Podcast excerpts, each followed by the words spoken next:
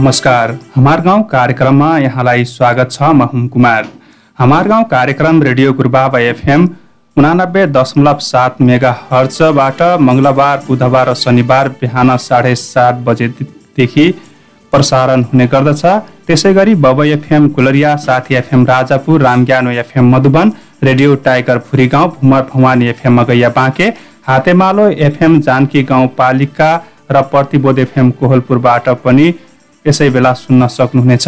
यो कार्यक्रम बाँके र बर्दियाको आठवटा एफएमबाट तपाईँको सहज हुने ठाउँबाट जहाँबाट पनि सुन्न सक्नुहुनेछ। कोरोना भाइरस कोभिड उन्नाइस रोग सङ्क्रमणबाट कसरी बच्ने यसको लक्षण कसरी थाहा पाउने कस्तो हुन्छ उपचार कहाँ कहाँ पाउबाट पाइन्छ कसरी मिल्छ कोरोनाको कारण परेको प्रभावको विषयमा विभिन्न सरोकारवाला र प्रभावित पक्षको बीच छलफल गराउने उद्देश्यले कार्यक्रम सञ्चालन गरिएको हो। सोही अनुसार हामी कार्यक्रम मार्फत कोरोना भाइरस कोभिड उन्नाइस रोगको कारण तपाईँहरूको जीवनमा परेको असर र समाधानका लागि सरकारबाट गरेको प्रयासको विषयमा प्रत्यक्ष बातचित गर्न सक्ने हिसाबले अतिथिको रूपमा फोनबाट एक वा दुईजनालाई अतिथि निम्त्याउने गर्दछौँ। तपाईँहरू उहाँहरूलाई मनमा लागेका आफ्नो जवाब सवाल गर्न सक्नुहुनेछ। त्यसको लागि हाम्रो स्टुडियोको फोन नम्बर रहेको छ शून्य चौरासी चार चारवटा शून्य चार र अन्ठानब्बे पाँच अस्सी उन्साठी शून्य शून्य तिनमा पनि फोन गरी आफ्नो प्रश्न जिज्ञासा र विचार राख्न सक्नुहुनेछ। आज हामी यसै विषयको समस्या र समाधानको खोजीको लागि गेरुवा गाउँपालिकाका स्वास्थ्य शाखा प्रमुख नारायण प्रसाद भण्डारीज्यूलाई अतिथिको रूपमा बोलाएका छौँ। स्वास्थ्य शाखा प्रमुखजी यहाँलाई स्वागत छ। धन्यवाद हजुर धन्यवाद। सन्चै हुनुहुन्छ? राम्रै छ हजुर। ए अहिले अब कोरोना भाइरस कोभिडको अब लहर पनि अब लकडाउन खुकुलो भए पनि कोरोना भाइरसको अब सङ्क्रमण पनि अझै छँदैछ। अब यसमा गेरुवा गाउँपालिकाले यो कोरोनाको व्यवस्थापन कसरी गरिरहेको छ र अहिलेको गेरुवा गाउँपालिकाको अवस्था के छ? हजुर एकदमै धन्यवाद। र साथै स्वागत पनि गर्न चाहन्छु। गेरुवा गाउँपालिका बर्दिया जिल्लाको पश्चिम भेगमा पर्दछ। र गेरुवा गाउँपालिका बर्दिया जिल्लाको एकदम दुर्गम भेगमा रहेको गाउँपालिका हो। यो गाउँपालिकामा छवटा वडाहरू छन् र यहाँ यो गाउँपालिकामा कोरोना सम्बन्धी भएका गतिविधिहरूमा यो गाउँपालिकाले बाह्रवटा क्वारेन्टाइन स्थल निर्माण गरेको थियो र यो कोरोनाको सुरुवात भए पश्चात बाह्रवटा क्वारेन्टाइन स्थलहरूमा महिला चार सय पचहत्तरजना पुरुष सत्र सय एक एक्काइसजना गरेर जम्मा एक्काइस सय सोह्रजना बसेका थिए।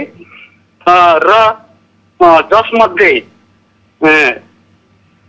एक हजार असी जनाको पिसिआरबाट परीक्षण भएको थियो भने पहिला पहिला आरडिटीबाट पनि परीक्षण हुने समय थियो त्यो समयमा एक हजार छत्तिसजनाको आरडिटीबाट परीक्षण भएको थियो र त्यो समयको गत आर्थिक वर्षको कुराहरू हेर्दै हो भने पन्ध्रजना महिला र पैँतालिसजना पुरुष गरेर जम्मा साठीजना सङ्क्रमित भएका थिए र ती सङ्क्रमितहरूको गेरुवा गाउँपालिकाले व्यवस्थापन गर्नको लागि सरस्वती आदि जोधीपुरमा पुरुष र जनतावादी गोलामा महिलाहरू सङ्क्रमित महिलाहरूको व्यवस्थापनको लागि छुट्टा छुट्टै आइसोलेसन खडा गरेका थियो।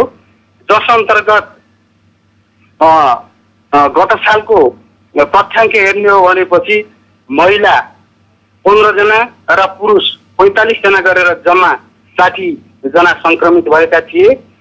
र ती सङ्क्रमितहरूलाई आइसोलेसनमा व्यवस्थापन र उपचारका कुराहरू भएर सबैलाई सकुशल डिस्चार्ज गरेर घर पठाइएको थियो।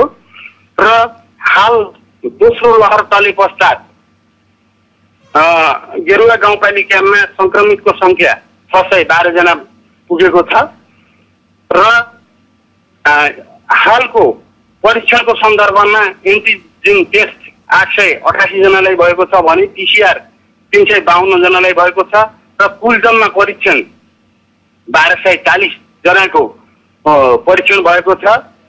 र हाल चाहिँ परीक्षण पश्चात जटिलता देखिएका व्यक्तिहरूलाई तत्काल गेरुवा गाउँपालिकाले एम्बुलेन्स प्रयोग गरी निशुल्क रूपमा अस्पतालमा ल्याउने कोभिड उन्नाइस अस्थायी अस्पताल गेरुवा दुई सिंहैमा ल्याउने र त्यहाँ उपचार र व्यवस्थापन गर्ने र त्यहाँ उपचार र व्यवस्थापनबाट सन्चो नभएका व्यक्तिहरूलाई भेरी अस्पताल नेपालगञ्जमा प्रेषण गर्ने गरेको छ।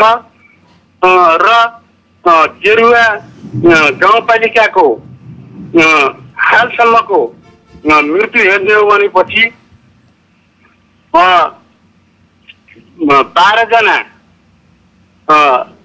भेरी भेरी अस्पताल अ, बाट अ, पुष्टि भएका छन् भने त्यसपछि पाँचजना कुनै काठमाडौँबाट कुनै कैलालीबाट र कुनै बाँकीबाट पुष्टि भएका छन्। यसो यसरी हेर्ने हो भनेपछि हालसम्म कोभिडको कारणले सत्रजनाको मृत्यु भइ भइसकेको छ।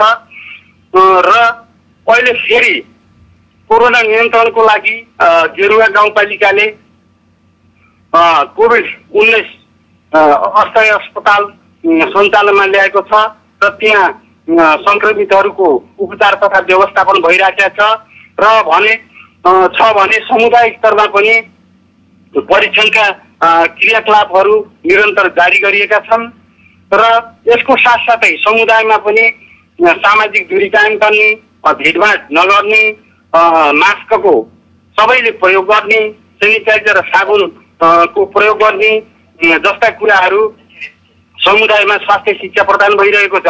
र यसै गरी खोकी ज्वरो सास फेर्न गाह्रो मुखमा स्वाद नहुने नाकमा गन्ध नहुने जस्ता लक्षणहरू देखिएपछि तुरुन्त परीक्षण गर्न भनेर स्वास्थ्य कर्मी महिला स्वास्थ्य स्वयंसेविका जनप्रतिनिधि कर्मचारी सबैले यो कुराहरू समुदायमा जानकारी गराइराख्नु भएको छ। प्रमुखजी हेलो। हजुर सर। हजुर। अ, हाम्रो टेलिफोन सम्पर्कमा एकजना श्रोता आइसक्नु भएको छ उहाँको जवाफ लिउँ अनि उहाँको प्रश्नको जिज्ञासा हजुरले दिनुहुनेछ। हेलो। हजुर। हेलो। हजुर नमस्कार।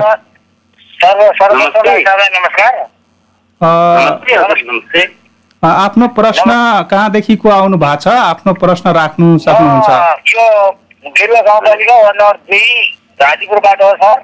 हजुर। सर्वप्रथम गाउँ साहबलाई नमस्कार। मेरो हजुर, प्रश्न छ। मेरो प्रश्न प्रश्न यस प्रकार छ। कोभिड उन्नाइसको उमेरको आधारमा पैँसठदेखि पचास पैँसठदेखि माथि र पैँसठदेखि साठीदेखि पैँसठी र पचपन्नदेखि साठी पचासदेखि पचपन्नसम्मका सबै जना जनसमुदायलाई खोप दियो दिइसकिसक्नु भएको छ। यसमा कतिजना। छुटेका छन्? र कतिजनाहरूलाई खोप अ, खोपले खो छुटेकाहरूलाई खोपको व्यवस्था के छ अनि। अर्को जुन रूपमा खोप खोप लगाइएको लगाइयो त्यसमा कसैको नागरिकता नभएरको कारणले वञ्चित छन् भएका छन् भने त कसैलाई सूचना नपाएर वञ्चित भएका छन् कोही खोप केन्द्र टाढा भएर वञ्चित भएका छन् यिनीहरूलाई। कसरी खोप दिने व्यवस्था छ र साथै खोप लगाउँदा पहुँचको आधारमा पनि लगाइएको भन्ने सुन्न आइएको छ। यो के सत्य हो? साथै यो खोप राम्रो छ? यो खोप नराम्रो छ भनेर खोपको उमेर नहेरेर खोप पनि लगाइयो। भन्ने सुनिन्छ यसमा डाक्टर साहबले प्रश्न पारिदिनुहुन्छ कि हजुरको परिचय। धन्यवाद हजुर। प्रष्ट रूपमा त यहाँ सुनिएको छैन है तैपनि म केही कुराहरू तपाईँको उत्तर दिन चाहन्छु। अहिलेसम्म गेरुवा गाउँपालिकामा एक हजार बहत्तरजनालाई खोप प्रदान भइसकेको छ। र खोपको सन्दर्भमा हामी अब निरन्तर दिने नै छौँ। र खोपको सन्दर्भमा लक्षित जनसङ्ख्यालाई निर्देशन गरे अनुसार हामीले सबैलाई खोप दिइसकेका छौँ। र साथै अब पैँसठी वर्षभन्दा माथिको दोस्रो मात्रा पाउने अ, हरूको सन्दर्भमा अलि खोप केन्द्रमा आएर खोप लगाउनेको सङ्ख्या कम देखिएको कारणले गर्दाखेरि फेरि पनि फेरि पनि हामीले आजदेखि उहाँहरूलाई खोप दिनको लागि त्यो खोप केन्द्रहरूमा महिला स्वास्थ्य स्वयंसेविका मार्फत छुटेकाहरूलाई खोप दिने भनेर हामीले चाहिँ फेरि जानकारी गराइसकेका छौँ। र त्यति गर्दा पनि अब कुनै ज्येष्ठ नागरिकहरू आउन सकेनन् भने उहाँहरूको समुदायमा नै गएर पनि खोप लगाउने हामीले प्रयास गरेका छौँ। र खोपको सन्दर्भमा पहुँच पुग्ने नपुग्ने भनेर हामीले त्यसरी चाहिँ छुट्याएका छैनौँ। खोपको सन्दर्भमा लक्षित वर्ग भनेर जुन माथिबाट तोकिएको छ त्यसको आधारमा स्वास्थ्य कर्मीहरूलाई खोप दिनु भन्ने कुराहरू माथिबाट नै निर्देशन भइसकेका छ। जस अनुरूप खोप निरन्तर हामीले प्रदान गरिरहेछौँ। सर उहाँले एउटा क्वेसन के गर्नुभयो भने नागरिकता नभएको यो उमेर समूहका मान्छे पनि खोप लगाउनबाट वञ्चित हुनुभएको छ उहाँहरूको लागि। व्यवस्था के छ भन्ने कुरा गर्नुभएको छ कसैसँग नागरिकता अथवा कसैसँग कुनै त्यस्तो प्रष्ट परिचय खुल्ने किसिमको प्रमाण यदि छैन भने उहाँले वडा कार्यालयमा वडाबाट यति वर्षको यो नागरिक हो भन्ने कुराहरू पुष्टि हुने कुराहरू ल्याउने बित्तिकै पनि उहाँहरूले चाहिँ खोप पाउनुहुन्छ। ए अनि फेरि हाम्रो टेलिफोन सम्पर्कमा एकजना श्रोता आइसक्नु भएको छ। उहाँलाई स्वागत गरौँ है सर। हजुर धन्यवाद। एकदमै धन्यवाद। हेलो। हेलो। हजुर नमस्कार। हजुर नमस्ते। कहाँदेखि को बोलिराख्नु भएको छ? म बिरुवा गाउँपालिका वार्ड नम्बर पाँच पटवारीपुरबाट बिरुवाबाटै बोलेको छु हजुर। हजुर यहाँ आफ्नो प्रश्न हाम्रो स्वास्थ्य शाखा गेरुवा स्वास्थ्य शाखाको प्रमुखजीलाई राख्न सक्नुहुन्छ। हजुर हजुर हजुर धन्यवाद। अँ, सरलाई पनि नमस्कार। नमस्ते हजुर नमस्ते। अँ, सर हाम्रो यो बिरुवा गाउँपालिकामा चाहिँ अब स्वास्थ्यको बिरुवा गाउँपालिकाले लगभग डेढ करोड जति छुट्याएको छ जस्तो लागिरहेको छ। अँ, मैले त्यो अलिक त्यो त प्रश्न छैन। प्रश्न सुन्दिएको छैन एकचोटि फेरि बनाउँ त हजुर। हाम्रो बिरुवा गाउँपालिकाले स्वास्थ्यतर्फ करोड जति छुट्याएको जस्तो लागिरहेको छ मलाई। छुटेको को छुटेको भन्नु हो हजुर? डेढ करोड बजेट छुट्याएको भन्ने कुरा गरिराख्नु भएको छ। पैसालाई बिरुवा गाउँपालिकाले कति पैसा छुट्याएको छ डेढ करोड त हराएर छुट्याएको छ कि कति कति छुट्याएको छ त्यो सिस्टम भएको छैन मलाई। उम्, त्यो सबै पैसा खर्च भइसकेको छ कि के भइसकेको छ अनि त्यो त्यो जानकारी दिन्छ अनि स्वास्थ्य बिमा बिरुवावासीलाई स्वास्थ्य बिमा निशुल्क गर्न सकिन्छ कि सकिँदैन सर हस् धन्यवाद त्यहाँको प्रश्नको लागि। हेलो। हजुर सर। राम्रो प्रश्न उहाँले भनेको कुराहरू उहाँले उहाँले भन्नुभयो कि गेरुवा गाउँपालिका स्वास्थ्य शाखामा डेढ करोड हो कि कति बजेट छुट्याउनु भएको छ? त्यो छुट्याएको। बजेट पुरा खर्च भयो कि भएन भन्ने कुरा। गर्नु भएको छ एउटा प्रश्न अनि अर्को प्रश्न चाहिँ गेरुवा गाउँपालिकाले पुरै स्वास्थ्य स्वास्थ्यको लागि जुन बजेट छुट्या हुन्छ त्यो खर्च गर्न सक्दैन पुरा हुन्। हुँदैन फ्रिज भएर जान्छ त्यसमा गेरुवा स्वास्थ्य शाखाले स्वास्थ्य बिमा निशुल्क गर्न सक्छ कि सक्दैन के छ भन्ने कुरा गर्नु भएको छ ए हजुर प्रश्नको लागि यहाँलाई एकदमै धन्यवाद गेरुवा गाउँपालिकालाई विनियोजन गरेको स्वास्थ्यको बजेट खर्च हुन्छ। त्यस्तो किसिमले फ्रिज गएको भन्ने कुराहरू अहिलेसम्म छैन। प्रष्ट रूपमा खर्च भएको छ। र गेरुवा गाउँपालिकामा प्राप्त हुने सशर्त बजेटहरू अब जस्तो तलबहरूको सन्दर्भमा भत्ताहरूको सन्दर्भमा त्यस्तै तपाईँको विभिन्न स्वास्थ्य सम्बन्धी कार्यक्रम गतिविधिहरू सञ्चालनको सन्दर्भमा पठाइएको बजेटहरू सबै खर्च हुन्छ र पालिकाले पनि निश्चित कुनै कार्यक्रमको लागि विनियोजन गरेको छ भनेपछि त्यो बजेट चाहिँ खर्च हुन्छ र अहिलेसम्म त्यसरी फ्रिज भएर गएको छैन। र सबै बजेटको सन्दर्भमा के कति खर्च भन्ने कुराहरू त्यो चाहिँ हामी अब सार्वजनिक सुनवाईमा पनि हामी केही दिनपछि सार्वजनिक सुनवाई गरेर त्यो सबै कुराहरू प्रष्ट राख्ने नै छौँ। र कोभिड उन्नाइसको लागि जुन विनियोजन गरिएको बजेट थियो त्यो बजेट खर्च भएको छ। जस्तो तपाईँको क्वारेन्टाइनमा बसेका व्यक्तिहरूको व्यवस्थापनमा अनि त्यस्तै राहत वितरणको व्यवस्थापनमा त्यस्तै कोभिड उन्नाइस अस्थायी अस्पताल को सञ्चालनको तथा व्यवस्थापनमा र यस्तै तपाईँको आइसोलेसन सञ्चालन र व्यवस्थापनमा गरेर चाहिँ बजेट चाहिँ खर्च भइसकेको छ। र यो कुराहरू हामी सामाजिक सुनवाई गरेर सार्वजनिक सुनवाई गरेर पनि सबै कुराहरू हामी प्रश्न प्रस्ट्याउने नै छौँ। र त्यसपछि अ, स्वास्थ्य बिमा। दिनहरूमा पनि हजुर। स्वास्थ्य बिमा सर स्वास्थ्य बिमा। ए स्वास्थ्य बिमाको सन्दर्भमा अ, प्रत्येक वडामा दुईजना स्वास्थ्य बिमा गर्ने सामाजिक परिचालक भने पनि हुन्छ स्वा- स्वास्थ्य बिमा कर्ता भने पनि हुन्छ। उहाँहरू मार्फत प्रत्येक वडामा स्वास्थ्य बिमा को कार्यक्रमहरू निरन्तर भइरहेछ र स्वास्थ्य बिमा गर्ने व्यक्तिहरू को को हुन् भन्ने यहाँहरूलाई प्रष्ट जानकारी नभएपछि यहाँले यहाँ शाखामा आएर सोधे पनि हुन्छ र स्वास्थ्य चौकीमा गएर पनि स्वास्थ्य बिमा गर्ने व्यक्ति को हुन् भनेर उहाँ सोधेर उहाँहरूसँग सम्पर्क गरेर त्यसलाई चाहिँ तपाईँहरूले निरन्तरता बेस हुन्छ।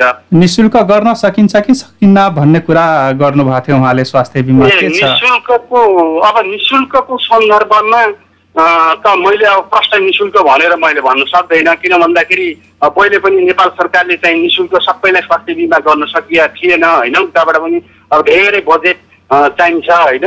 त्यसै अर्थले अब यो कुराहरू सबैलाई स्वास्थ्य बिमा निशुल्क भनेर मैले भन्न सक्दैन यहाँहरू सबैको सक्रिय सहभागिताले भोलि गएर भविष्यका दिनहरूमा यस्ता कुरो किसिमका योजनाहरू तपाईँले राख्न सक्नुभयो भनेपछि हुन पनि सक्छ। ए, फेरि एकजना श्रोता हाम्रो टेलिफोन सम्पर्कमा आइसक्नु भएको छ। म उहाँलाई स्वागत गर्छु है सर? हजुर। हेलो? हेलो हजुर नमस्कार।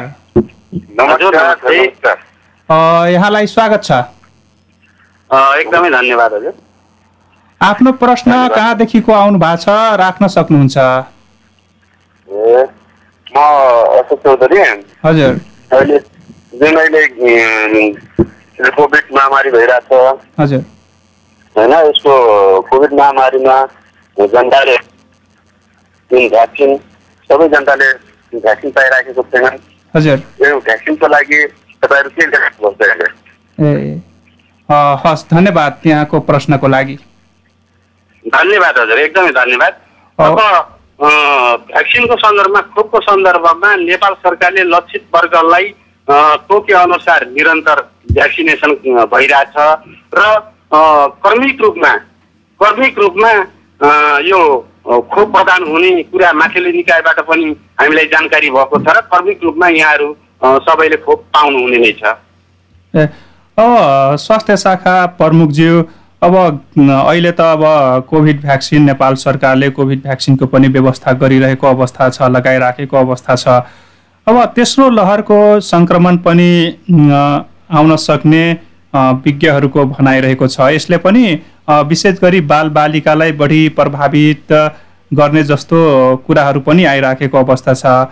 यस्तो अवस्थामा गेरुवा गाउँपालिका स्वास्थ्य शाखाले के गरिरहेको छ बालबालिकाहरूलाई बचाउनको लागि? पहिलो कुरा त हामीले चाहिँ बालबालिकाहरूलाई बचाउनको लागि सबभन्दा तपाईँको स्वास्थ्य सुरक्षा अपनाउने कुराहरूलाई बढी हामीले जोड दिएका छौँ जस्तो सामाजिक दूरीका कुराहरू भिडभाडमा नजाने कुराहरू साबुन पानीले हात धुने कुराहरू मास्कको प्रयोग गर्ने कुराहरू हामीले गरिराखेका छौँ। र त्यसपछि गएर त्यस्तो परिस्थिति आयो भनेपछि उपचार व्यवस्थापनका लागि कोभिड उन्नाइस अस्पताल मा पनि विभिन्न किसिमका सामग्रीहरूको व्यवस्थापन औषधिको व्यवस्थापनका कुराहरूलाई निरन्तर राखेका छौँ।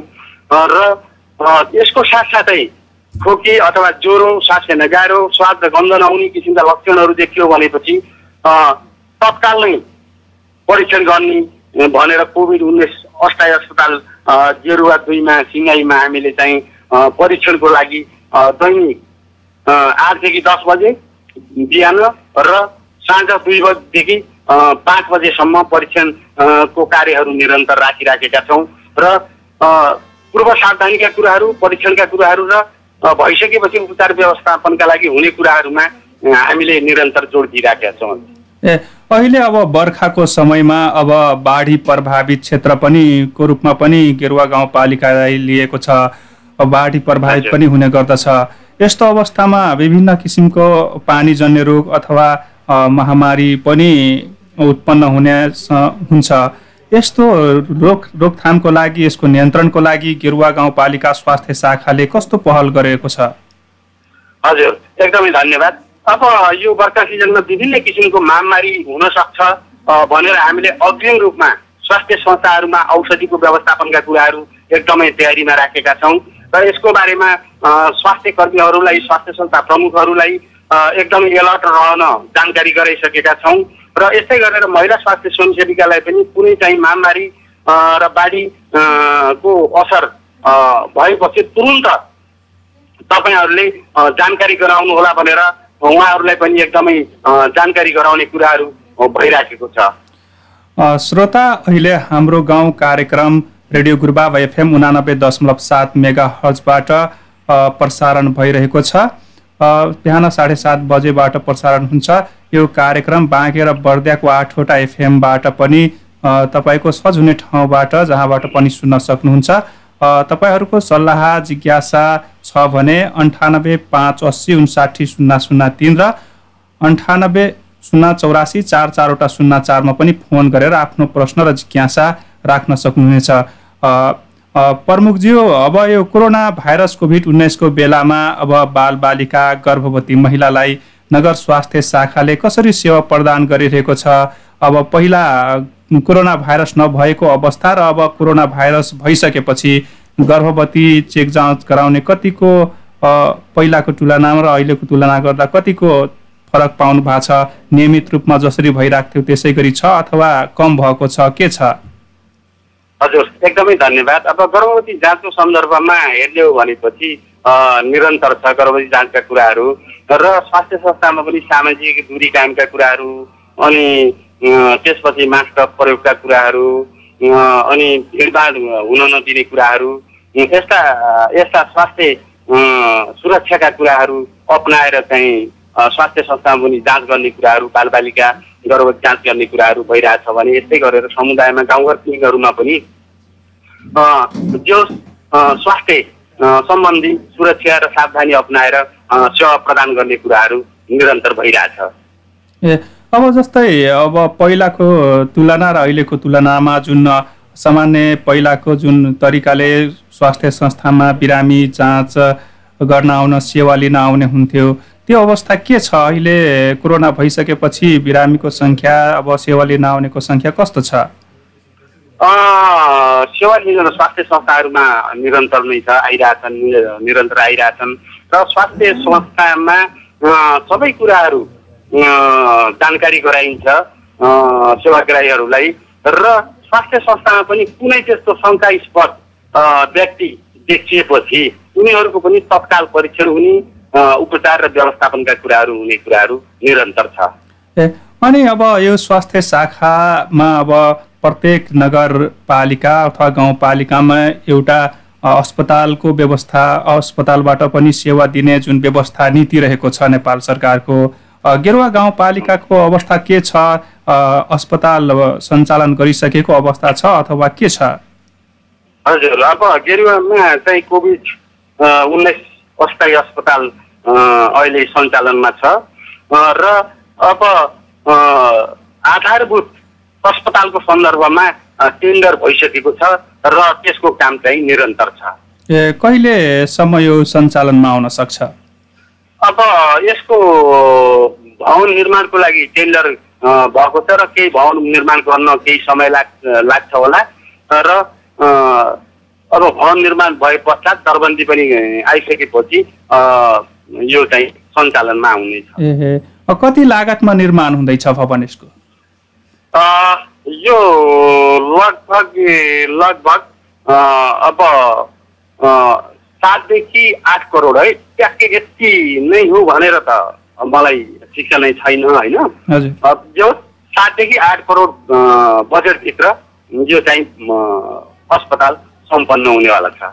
ए अब यो अब क- भन्छन् गेरुवा गाउँपालिका स्वास्थ्य शाखाले अब सुझ सुनौलो हजार दिने आमा कार्यक्रम पनि सञ्चालन गरेको गरिरहेको अवस्था थियो। अब यो कोभिड उन्नाइसमा जुन यो स्वास्थ्य पोषण सम्बन्धी कार्यक्रम कस्ता कस्ता कार्यक्रमहरू सञ्चालन गरिरहनु भएको छ र अब यो कोभिडको समयमा कसरी सञ्चालन भइरहेको छ यो सुनौलो हजार दिनको आमाहरूलाई स्वास्थ्य पोषण सम्बन्धी कार्यक्रम? हजुर। स्वास्थ्यको सुनौलो हजार दिनको आमाहरूको सन्दर्भमा विपन्न दलित यस्तो समुदायमा विशेष गरेर कार्यक्रमहरू लिएको छ। र त्यस त्यो त्यस्तो समुदायमा विपन्न दलित समुदायहरूमा जस्तो पोषण स्वास्थ्य सम्बन्धी शिक्षाहरू प्रदान गरिएको छ। त्यस्तै अ, करेसा बारी कसरी निर्माण गर्ने पशुजन्य खाद्य पदार्थहरू कसरी प्रयोग गर्ने र स्थानीय स्तरमै उत्पादन भएको खाद्य पदार्थहरूलाई प्रयोग गरेर पोषणको पोषण स्वास्थ्यमा सुधार कसरी ल्याउने भन्ने जस्ता गतिविधिहरूमा स्वास्थ्य कर्मी त्यस्तै कृषि क्षेत्रको कर्मचारी भेटनरी क्षेत्रको कर्मचारीहरू गएर उहाँहरूले चाहिँ पोषण सम्बन्धी कार्यक्रम तथा क्रियाकलापहरू सामाजिक दूरी कायम गराएर स्वास्थ्य सम्बन्धी जे होस् अ, सुरक्षा सम्बन्धी सामग्रीहरू अपनाएर कार्यक्रमहरू भइरहेछ। हामी कार्यक्रमको अन्त्य अन्त्यतिर आइसकेका छौँ। अब आर्थिक वर्ष दुई हजार अठहत्तर उनासीको बजेट पनि कार्यक्रम पनि ल्याइसक्नु भएको छ। स्वास्थ्य शाखाले यो वर्षको अब यो कार्यक्रम ल्याइसकेपछि बजेट ल्याइसकेपछि पहिलो प्राथमिकता केमा राख्नु भएको छ बजेट कार्यक्रम ल्याइसकेपछि अब पहिलो प्राथमिकता त अहिलेको सन्दर्भमा हेर्ने हो भने त पहिलो प्राथमिकता भनेको कोभिड नै हो है? अनि यो कोभिड महामारीलाई जसरी भए पनि निरन्तर के अरे निरन्तर रूपमा यसलाई नियन्त्रणमा लगाउनुपर्ने भन्ने कुराहरू छ। अनि त्यस्तै त्यसपछि गएर महिला र बालबालिका स्वास्थ्यहरूमा है अब बर्थिङ सेन्टरहरू बर्थिङ सेन्टरहरू व्यवस्थापन बर्थिङ सेन्टरहरू थप्ने कुराहरू जो विशेष गरेर महिला तथा बालबालिका क्षेत्रहरूमा विशेष गरेर फोकस गरिएको छ। हामी कार्यक्रमको अन्त्यमा छौँ। आम रेडियो सुनेर बस्नुभएको श्रोताहरूलाई के भन्न चाहनुहुन्छ? धन्यवाद। यो अ, कोभिड उन्नाइस महामारीले संसारभरि नै आक्रान्त पारेको छ र हाम्रो देशमा पनि र विशेष गरेर गेरुवा गाउँपालिकामा पनि यसले चाहिँ समस्या सिर्जना गरेको छ। यसै अर्थले आम नागरिक दाजुभाइलाई म के भन्न चाहन्छु भने सबभन्दा स्वास्थ्य सुरक्षा र सावधानी अपनाउनु पर्ने हुन्छ। मास्कको प्रयोग गर्ने घर बाहिर ननिस्कने निस्कनै पर्यो भने पनि मास्क प्रयोग गर्ने र धेरै ठुलो भिडभाड हुन हुने जस्तो कुराहरू नगर्ने सामाजिक दूरी कायम गर्ने र खोकी ज्वरो श्वास गाह्रो मुखमा स्वाद अथवा गन्ध नहुने यस्तो किसिमको कुनै लक्षणहरू देखियो भनेपछि तत्काल कोभिड उन्नाइस अस्पताल अ, सिङ्गाई गेरुवा दुईमा गएर आफ्नो चाहिँ परीक्षण गराउनु होला अ, भन्ने यहाँहरूमा विनम्र अनुरोध गर्न चाहन्छु र साथै खोपको सन्दर्भमा अब निरन्तर रूपमा खोप लक्षित वर्गहरूलाई तोकेर माथिबाट पठाए अनुसार हामीले निरन्तर रूपमा खोप प्रदान गरिरहेका छौँ र आगामी दिनहरूमा पनि निरन्तर खोप कार्यक्रम सञ्चालन भइरहनेछ र खोप लिने सन्दर्भमा कसैले पनि कसैले पनि नछुटाउनुहोला। आफूलाई जानकारी हाम्रो प्रत्येक स्वास्थ्य संस्थाहरूमा खोप केन्द्र हामीले तोकेका छौँ र स्वास्थ्य संस्थामा नै खोप सञ्चालन हुन्छ र आफूले पनि खोप केन्द्रमा गएर खोप लगाइदिनु होला र थाहा नपाएका सर्वसाधारण व्यक्तिहरूलाई पनि खोप लगाउनुपर्छ भनेर जानकारी गराइदिनु होला र खोप केन्द्रमा पठाइदिनु होला भन्ने मैले ठुलो अपेक्षा गरेका छौँ। मुख्य गरेर यिनै सन्देश दिन चाहन्छु। धन्यवाद यहाँलाई। कार्यक्रममा आएर सहभागी भएर आफ्नो अमूल्य समय दिनुभएकोमा गेरुवा गाउँपालिका स्वास्थ्य शाखा प्रमुख नारायण भण्डारीज्यूलाई धेरै धेरै धन्यवाद। र यति बेलासम्म हाम्रो कुराकानी सुनिदिनु भएकोमा तपाईँलाई पनि धन्यवाद। शनिबार कुनै अर्को अतिथि लिएर आउने नै छौँ। यो कार्यक्रमको विषयमा तपाईँको कुनै सल्लाह जिज्ञासा प्रतिक्रिया छ भने हाम्रो स्टुडियोको फोन नम्बर अन्ठानब्बे पाँच अस्सी उन्साठी शून्य शून्य तिन र शून्य चौरासी चार चारवटा शून्य चारमा पनि तपाईँको मनमा लागेको जिज्ञासा राख्न सक्नुहुनेछ। आजको लागि प्राविधिक साथी अनुज थारू बाँके र बर्दियाको आठवटा एफएमका प्राविधिक साथीहरूसँगै म हुम कुमार पनि बिदा हुन्छु। नमस्कार।